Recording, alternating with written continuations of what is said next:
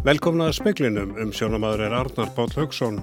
Airport Associates er tilkynnt í dag um uppsagnir 315 starfsmanna. Fórstjórunni segir að unni sé að því að skipuleikja starfsemi fyrirtækisins upp á nýtt eftir gjaldrót VAR. Stórun hluta þeirra sem sagt var upp verði bóði starfa áfram á breyttum vöktum og í breyttu starfslutvalli. Hópuppsagnir sem ná til um með 200 manns hjá fyrirtækjum sem ekki starfaði ferðarþjónustum og reyni tilkynntar til vinnumálastofnunar. Var ferra ætlar að lána 250 félagsmönnum sínum sem störfuðu hjá VAR jafnveri þeirra launa sem þeir hefðu fengið um ánæðamótin. Fórsiti ASI hefur áhyggjur af ástandin á vinnumarkaði vegna gjaldróðs VAR. Hún segir að ábyrði stjórnvalda sé mikil og nú sé tími til að grípa til samfélagslegra lausna. Theresa May forsættist að að breyta varði í dag undir í þinginu í þriðja skipti atkvæðagreislum útgöngusamning breyta við Európusambandið sem fyrir ríkir óveisum útgönguna bæði ferlið og dagsetninguna. Inflýtjendur hafa jafnaði 8% lægri laun en innlendir samkvæmt greina gerð hagst á Íslands og gertir á fyrir því að framkvæmdur við borgarlínum hefjist eftir 2 ár. Tilkynningar um hópuppsagnir hafa borist vinnumálastofnun í dag frá fyrirtækjum sem ekki tengjast ferðarþjónustum, uppsagnirnar en á til um 200 manns. Airport Associates er tilkynni dag um uppsagnir 315 starfsmanna í kjölfar gjaldróðs af AR. Sigþór Kristinn Skúlason, fórstjóri fyrirtækisins, segir að stór hluti þeirra fái bóðum áframhaldandi störf hjá fyrirtækinum en á breyttum vöktum og í breyttu starfslutvalli. Við gjaldrótt uh, váer þá er bara, eru uh, verkefnin alltaf önnur á öðrum tímu sólarhengs þannig að, að uh, vaktak fyrirkomulega þarf að breytast þannig mikið auk þess að við erum að reyna að milda þessi áhrif og bjóða fleirum vinnu á læra starfslutfalli til að geta haldið fleiru starfsfólki í vinnu. Sigþór segir að stjórnendur hafi átt fundið með starfsfólki í dag og að hluta þess verði á mánudag bóðin vinna áfram. Unnið sé að því að skipuleikja starfsemina alveg upp og nýtt. Hann segist ekki verið með heildarfjölda þeirra sem starfi hjá fyrirtækinu eftir uppstokkun á hreinu. Strax á mánudaginn þá komum við til með að bjóða þeim áfram sem að geta fengið áframaldandi vinnu. Þannig að það er verið að nota allar lausastundir til að skipulegja í raun og veru starfsefnuna alveg upp á nýtt með að við þessar fórsendur. Og hvað verða margir starfandi hjá fyrirtækinu eftir þessa uppstokkun? Ég er ekki með alveg nákvæma tölu á því en svona bara til að setja hlutina í samiki þá eru við í dag svona cirka 400 sem að störfum hjá og Sótið og uh, verkefni tengt vá og svona cirka 50% af því sem við vorum að gera hérna verið tveimu dögum. Þannig að auðvuslega þá kemur þetta til að hafa mikil áhrif á okkar fyrirtæki og okkar starfsemi. Karl Sigursson, sveiðstjóri hjá Vinnumálastofnun, segir að tilkynningum eina fjölda uppsögn í ferðarþjónustu hafi borist stofnuninni en eins og fram hefur komið tilkynntu kynnisferðir um uppsagnir 59 manns í gær. Karl segir að nokkrar hópu uppsagnir í ymsum atvinnugreinum sem ekki tengist ferðarþjónustu hafi verið tilkynnta til Vinnumálastofnunar í dag. Hann segir erfitt að meta hversu marga starfsmenn umræði þar sem ekki sé búið að fara yfir hópuppsagninnar. Gera megi ráð fyrir að fjöldins í öðrum konum eigin við 200 manns. Byggingafélag Gilva og Gunnars hefur ákveðið að segja upp 40 starfsmönnum. Ákverðunin er tekin eftir að VAUR var úrskurðað gjaldtróta í gær. Gilvi Ómar Hjeðinsson, einn eigenda, segir fyrirtæki það var byggt mikið á Suðurnesjum og stjórnendur viti ekki hver þróunin verði þar. Því sé greipi til varóðaráðustafana með uppsögnunum. Ástrúm Brynja Yngvarstóttir tók saman. Vaffer ætlar að lána félagsmönnum sínum sem störfuð hjá VÁR jafnveri þeirra launa sem þeir hefðu fengið mánaðamótin þó ekki herra en sem nefnur ábyrðarsjós, uh, hámarki ábyrðarsjós launa. Þetta er um 250 starfsmenn. Ragnar Þór Ingólfsson er formaður Vaffer. Þetta verður með þeim hætti að við munum lána uh, félagsmönnum okkar fyrir íkildi þeirra krafna sem að þau fá annars út úr ábyrðarsjóður launa sem að getur tekið alltaf 6-8 mánuði að sækja og þá mun ábyrðarsjóður launarinn greið okkur tilbaka. Þannig að fólki verð ekki tekilust núna mánuðamótin. Þetta var Ragnar Þór Ingólfsson. Fríhjöfnun á Keflavíkluvöldi hefur sagt upp sex starfsmönnum með þorgiru þráinstóttir Frankvandastjóri fríhafnarinnar eða segir að 30% þeirra sem hafi farið um með leifstöð hafi verið farþegar váer og það hafi áhrif. Hún segir megin áherslu verðalagða og fastastarsmenn og að halda uppsögnum í algjöru lámarki. 210 manns vinna í fríhöfninni í 170 stöðugildum. Innflytjendur hafað jafnaði 8% lægri laun en innlendir samkvæmt greinager sem hagst á Íslands gerði í samminu við innflytjendaráð. Niðurstöður eru byggðar á áranum 2008 til 17 og búar að taka til til kynns, aldurs, mentunar og fleira. Í þeim störfum sem innflytjendur vinna oftast eins og í ræstingu fá innlendir herri launin innflytjendur, mörurinn er 10%. Inflytjendur frá Norðurlöndum fá að jafnaði herri laun en inflytjendur frá öðrum löndum. Mestur munur er á launum þeirra og inflytjenda frá Asíu en inflytjendur frá Norðurlöndunum fá 7% herri laun en þeir. Gert er áfrið því að framkvæmduriði borgarlínu heifist eftir tvö ár. Borgarlínan er nú á undirbúinu stígi sem mun kosta á annan miljard króna. Á málþingi Reykjavíkur borgar í morgun var farið yfir stöðu undirbúningsborgarlínum, verkefnin framundan og áfangaskiptingu framkvæmda. Bryndís Friðriksdóttir, verkfræðingur hjá vegagerðinni, segjar að næstu tvö ár farið það að ná utanum verkið, skilgreina og forhana, en farið verið í verkhönnun, útbóð og framkvæmdir árið 2021. Staðan á borgarlínni svo að ríki og sveitafjölög hafa myndað sér sammeila sín um áfangaskiptingu borgarlínuna og við erum komið fjármagn í undirbúningsfrankandir þannig við erum að byrja að skoða hvað við þurfum að gera til þess að koma þessu í framkvæm. Fyrsta tímapill borgarlínunar nær frá 2019 til 2023 lögverður leið frá ártúnsöfða yfir í Vogabygð eftir Suðlandsbraut niður á Hlem í gegnum miðbæn. Borgarlínan á eftir að tengja saman háskólana, BSI, þróunar ásborgarinnar, Korsnes og Hamraborg. Annað tímabilna er frá 2024 til 2028 og tengir Hafnarfjörð og Garðabæ eftir Hafnarfjörðavegi með viðkomi í Hamraborg. Jáfnframt verður tenging frá Mjótti í Vogabygð og frá Hamraborg í Östulhutta Kópavóks. Þriða tímabilið frá 2029 til 2033 fylgir sér tengingu upp í Gravarvók. Kostnæðar áallunin við borgarlínuna eru rúmir 40 miljardar en fyrir pakkan í heild um 100 miljardar. Undirbúningstíð sem stendur nú yfir mun kosta á um annan miljard króna. Yngvar Þór Björnsson saði frá. Það kom flatt upp á íbúa Árnesreps þegar vegurinn í hreppinu var ekki ruttur í dag eins og hefði fyrir. Deildastjóri hjá vegagerðinni segir að vegagerðin hafi heimil til að móka leiðinni í hreppin en ber ekki skilda til þess. Svo kölluð gerregla vegagerðarnar gildur um veginn sem likur norður í Árnesrepp á ströndum. Sannkvæmt henni er heimilt að móka veginn tvo daga í viku, haust og voru meðan snjólettir. Annars ekki. Vortímabilið hefst hann 20. mars. Magnús Karl Pétursson, hótelstjóra Hótel Djúbavík, segir að síðan fólkmann eftir hafi verið mókað á förstu dögum eftir 20. mars.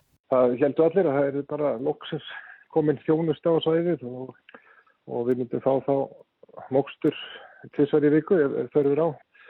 Það, það, kom okkur verilega óvart þegar við sáum að það var ekki verið að vinna neitt í veginum Sigurður Mar Óskarsson, deildarstjóri hjá vegagerðinni, segir að sangkvæmt G-reglunni sé vegagerðinni heimilt að riðja tvísvar í viku eftir 20. mars en henni ber ekki skilda til þess.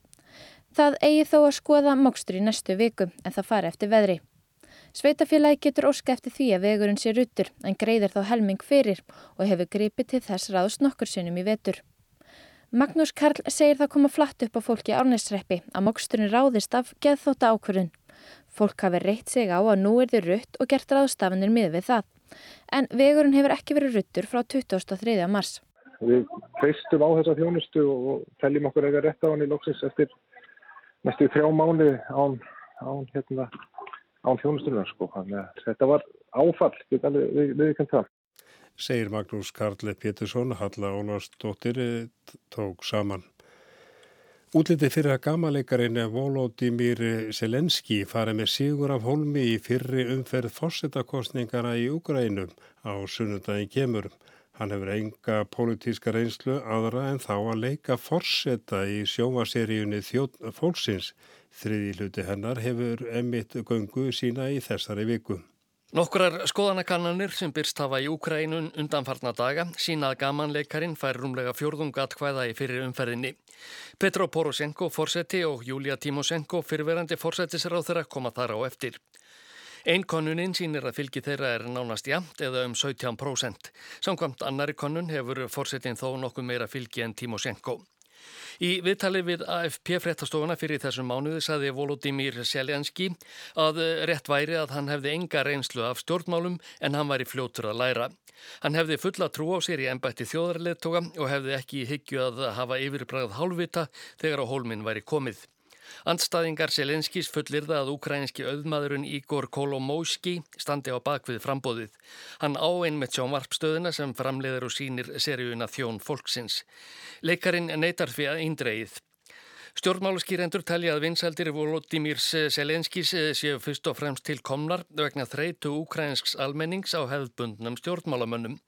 Í kostningabaróttu heiti þeir því jafnan að berjast gegn landlægri spillingu í landinu og bæta lífskjör fólks. Þegar á hólminn er komið verði þeim ekkert ágengt. Áskjör Tómasson saði frá.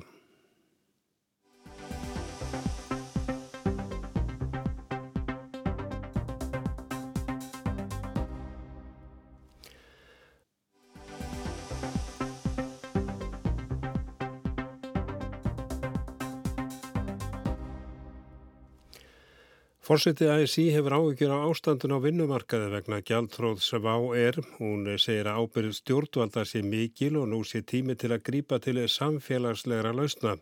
Hún varar hins vegar við heimsendaspám og ítrekkar að ekki sé um annað efnaðars hrunaræða. Krafan um mannsæmandi laun sé enni fullu gildi. Á sveipstundu hefur ástandi á vinnumarkaði breyst. Það gæti farið svo að á byrjunu 2-3 þúsund manns missi vinnuna.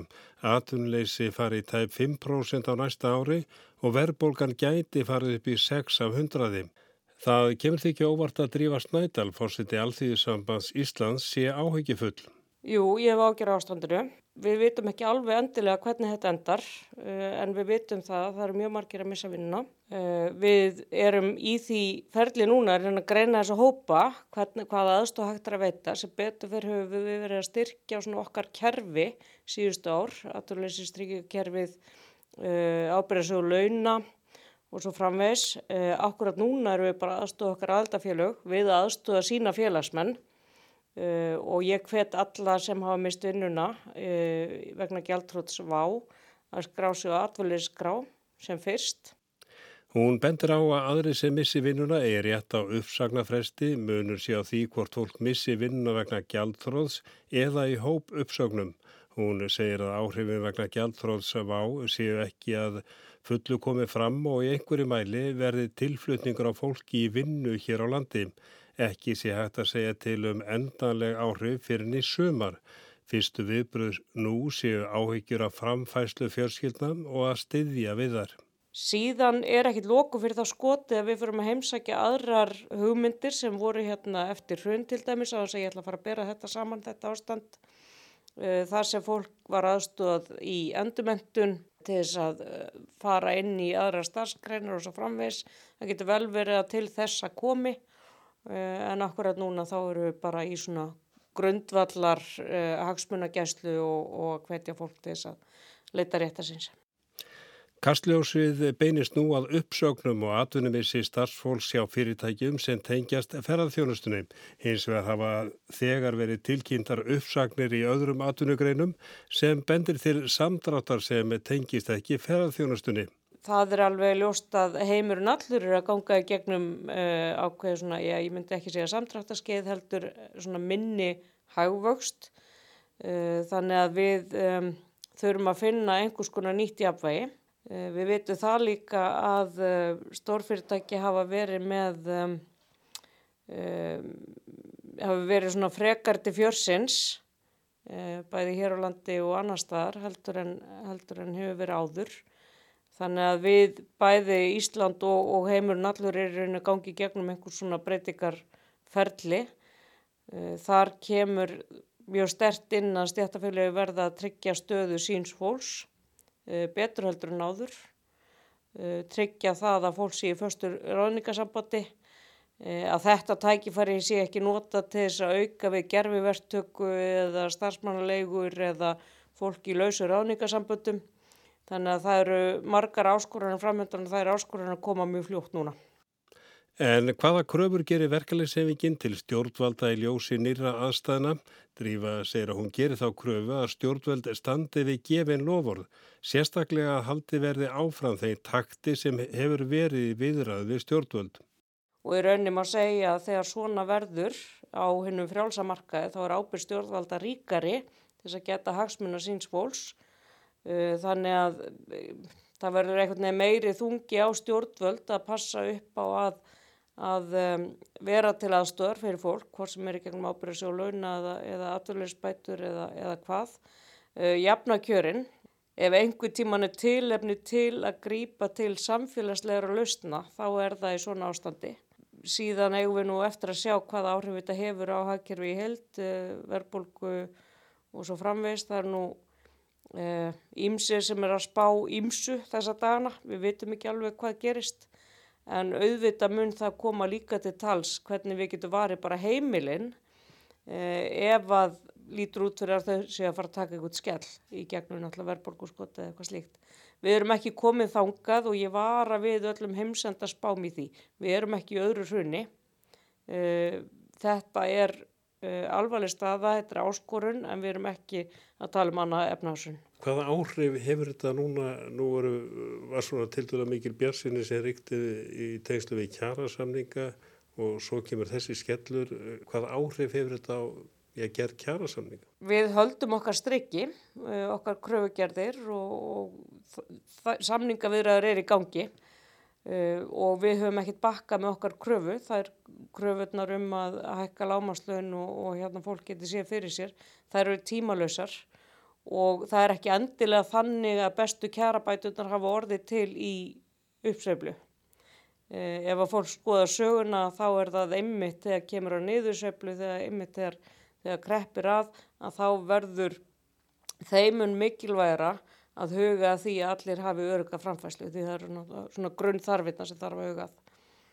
Staðan er þannig að eh, ef ekki semst eh, núna á næstu dögum að þá skellur hugsaðlega á þryggjadaga verkvall sem beinist að 40 hótelum á rútufyrirtækjanum. Eh, kann, hugsaðlega kann ykkur að segja að þessi óréttlátt að þessi verkvallur sé núna beint að ferðarþjóðusinu í ljósi ástansins eða hvað segir þú?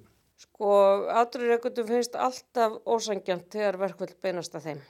En þetta er rauninni aðildafélagi verðilega að svara þessu sem eru í verkvælsækjörðum en uh, ég vil benda það að afturreikundu finnst aldrei sangjant að fá þessi verkvöld þó að við séum að fara í einhverja endurskiplækningu og ferða á þjónust að þurfa eitthvað að endurskiplækja sig þá auðvita stendur krafar um mannsamættu laun og hún gerir það, hún er tímalus hvort sem er kreppa eða góðari.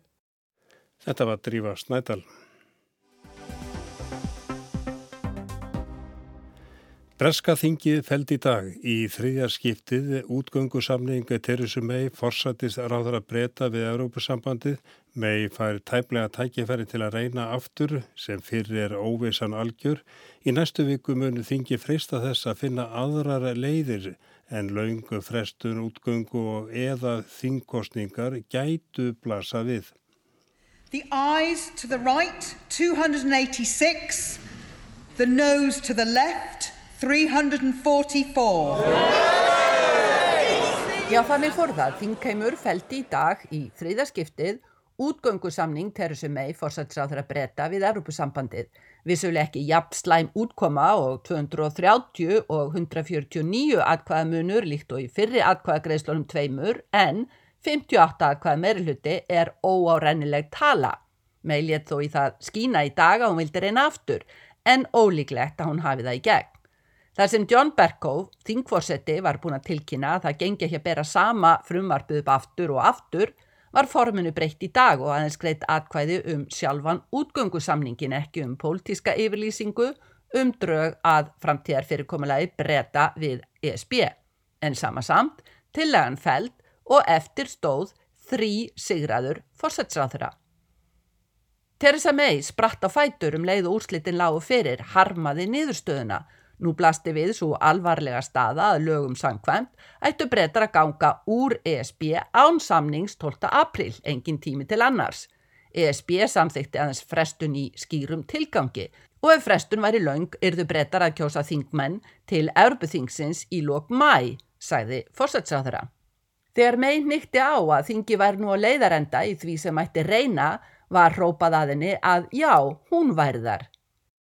Mei held áfram, þingið hefði hafnað öllu sem byðist hefði ekki geta komið sér saman um neitt annað heldur. Stjórninar myndi halda áfram að reyna að koma breytum úr Evrópusambandinu í samræmiði reglur, rétt eins og úrslitt þjóðratkvæða greislunar legðin á herðar. Jeremy Corbyn, leðtói verkamannflokksins, spurði hvort forsætsráður að gætu nú loksins eftir þrjár tapaðar atkvæðagreislur sætt sig við að það er að finna aðra leið.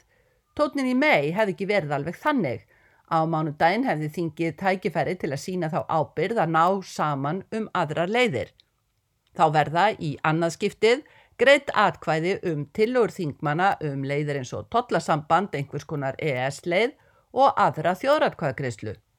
Gæti fórsætsráðra ekki samþygt að þingheimur hafnaði samningnum þið fórsætsráðra að fara ekki bara einhver tíma heldur umsvöðalust, svo hægt væri að efna til kostninga, saði Korbin, Vísaði þarna til að mei lofaði sínum þingflokki að láta af embætti gegn stuðningi í dag. Þó Korbin tali fjálglega um kostningar er takmarkaður áhugi í hans flokki fyrir kostningum. Þingflokkurinn er ekki sannfærður um leiðtuga hæfileika Korbins og allir skinja að meðal brexit þreytrar þjóðar eru kostningar tæplegan einn himnasending. En hvað er þá til ráða? Eins og megin nýtti á þá blasir við samningslaus útganga 12. apríl verði ekkert aðgert. En það er sama hvernig á það er litið, hvort sem er þingið í heild eða innan þingflokkana, þá er hvergi meirluti fyrir slíku. Þingið leitar því annara leiða í næstu viku eins og Korpin nefndi. Vandin er að ef breytar allar binda trúsitt við ESB í tollasambandi eða aðildað innrimarkanum, er hægt við að allar slíkar leiðir séu alltaf lakari en ESB aðild. Æfleri þingmenn nefna nú aðra þjóðratkvæðagreyslu sem leiðina út úr óvisunni. Sem fyrr reynir Evrópusambandið að vera ekki háð duttlungum breyta. Það eru menn nú í alvörunni að undirbúa sig undir breska útgöngu ánsamnings en gefa því um leið undir fótin að löng frestun komi til greina. Sem fyrr, ekki vandar brexit spurningarnar en sannarlega hörgull á áþreifanlegum svörum. Sigrun Davísdóttir sagði frá.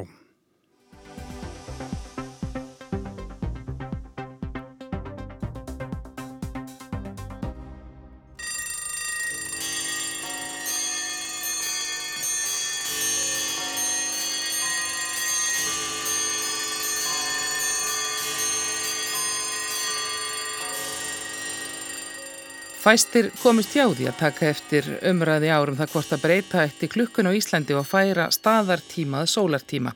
Það er að þegar sólin er í hádegistað vísi vísarnir á klukkum landsins á 12 en ekki um það byrj 13.25 eins og nú er í Reykjavík.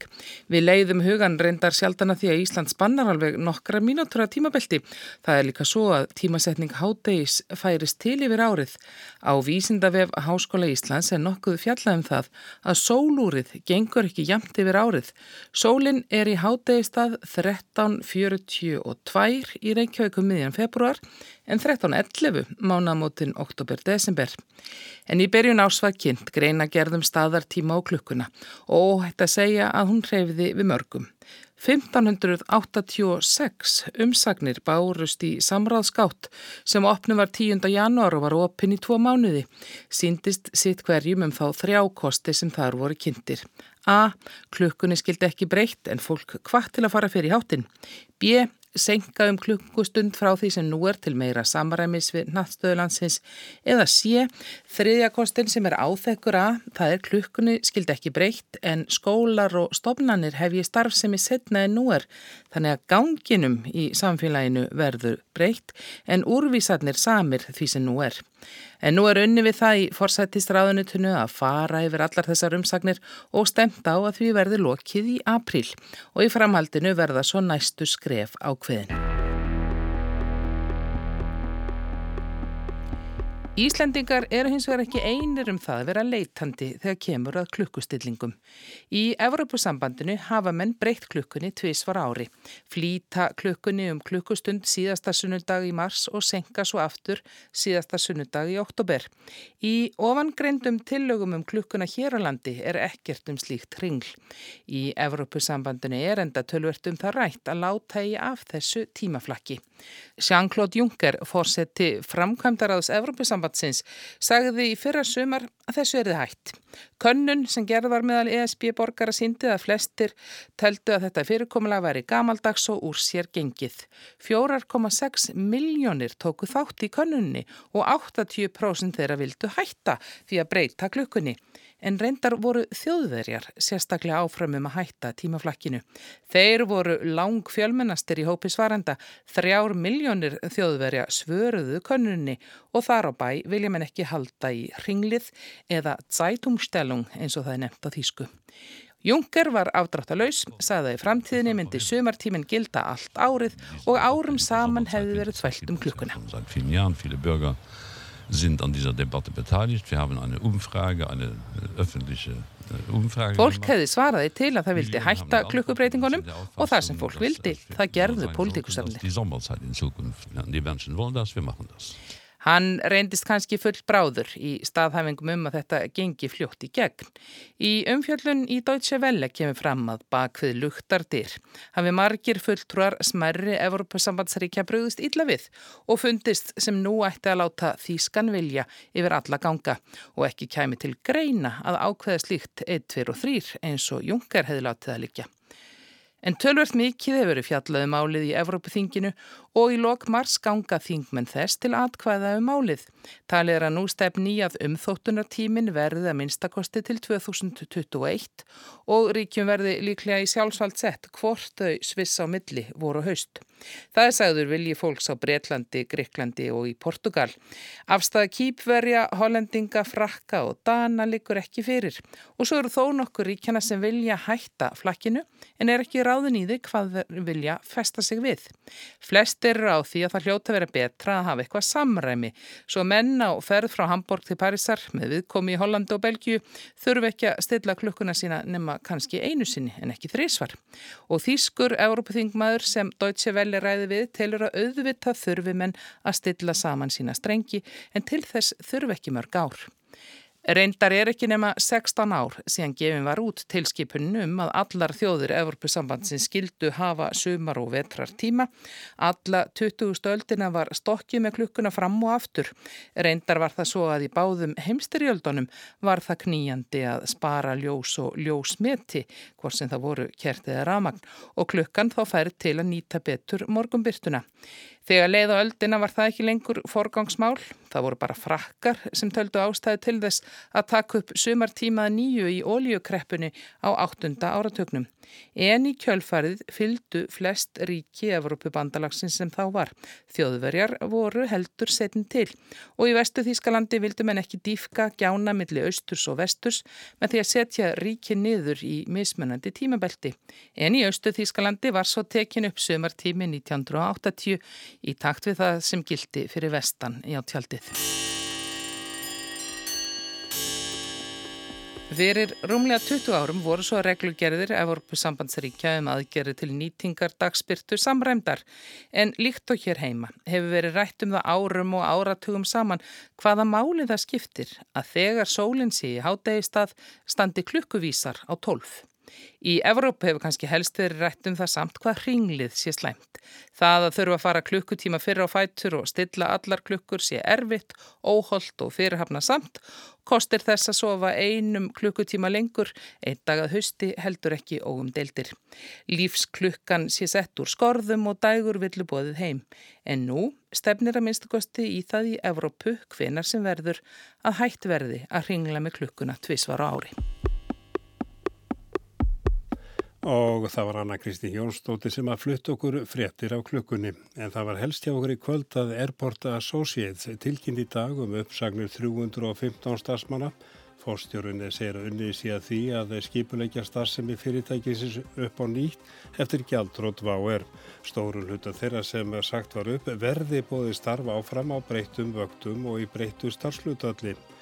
Hópuppsagnir sem ná til um 200 manns hjá fyrirtækjum sem ekki starfa í ferðarþjónustum voru einni tilkynntar til vinnumálastofnunar í dag. Vaffer ætlar að lána 250 félagsmennum sínum sem störfuðu hjá VAR jafnir þeirra launa sem þeir hefðu fengið um ánamótin. En það er ekki fleira í speiklum við kvöldu. Tæknumar var Markus Hjaldarsson, verið sæl og góða helgi.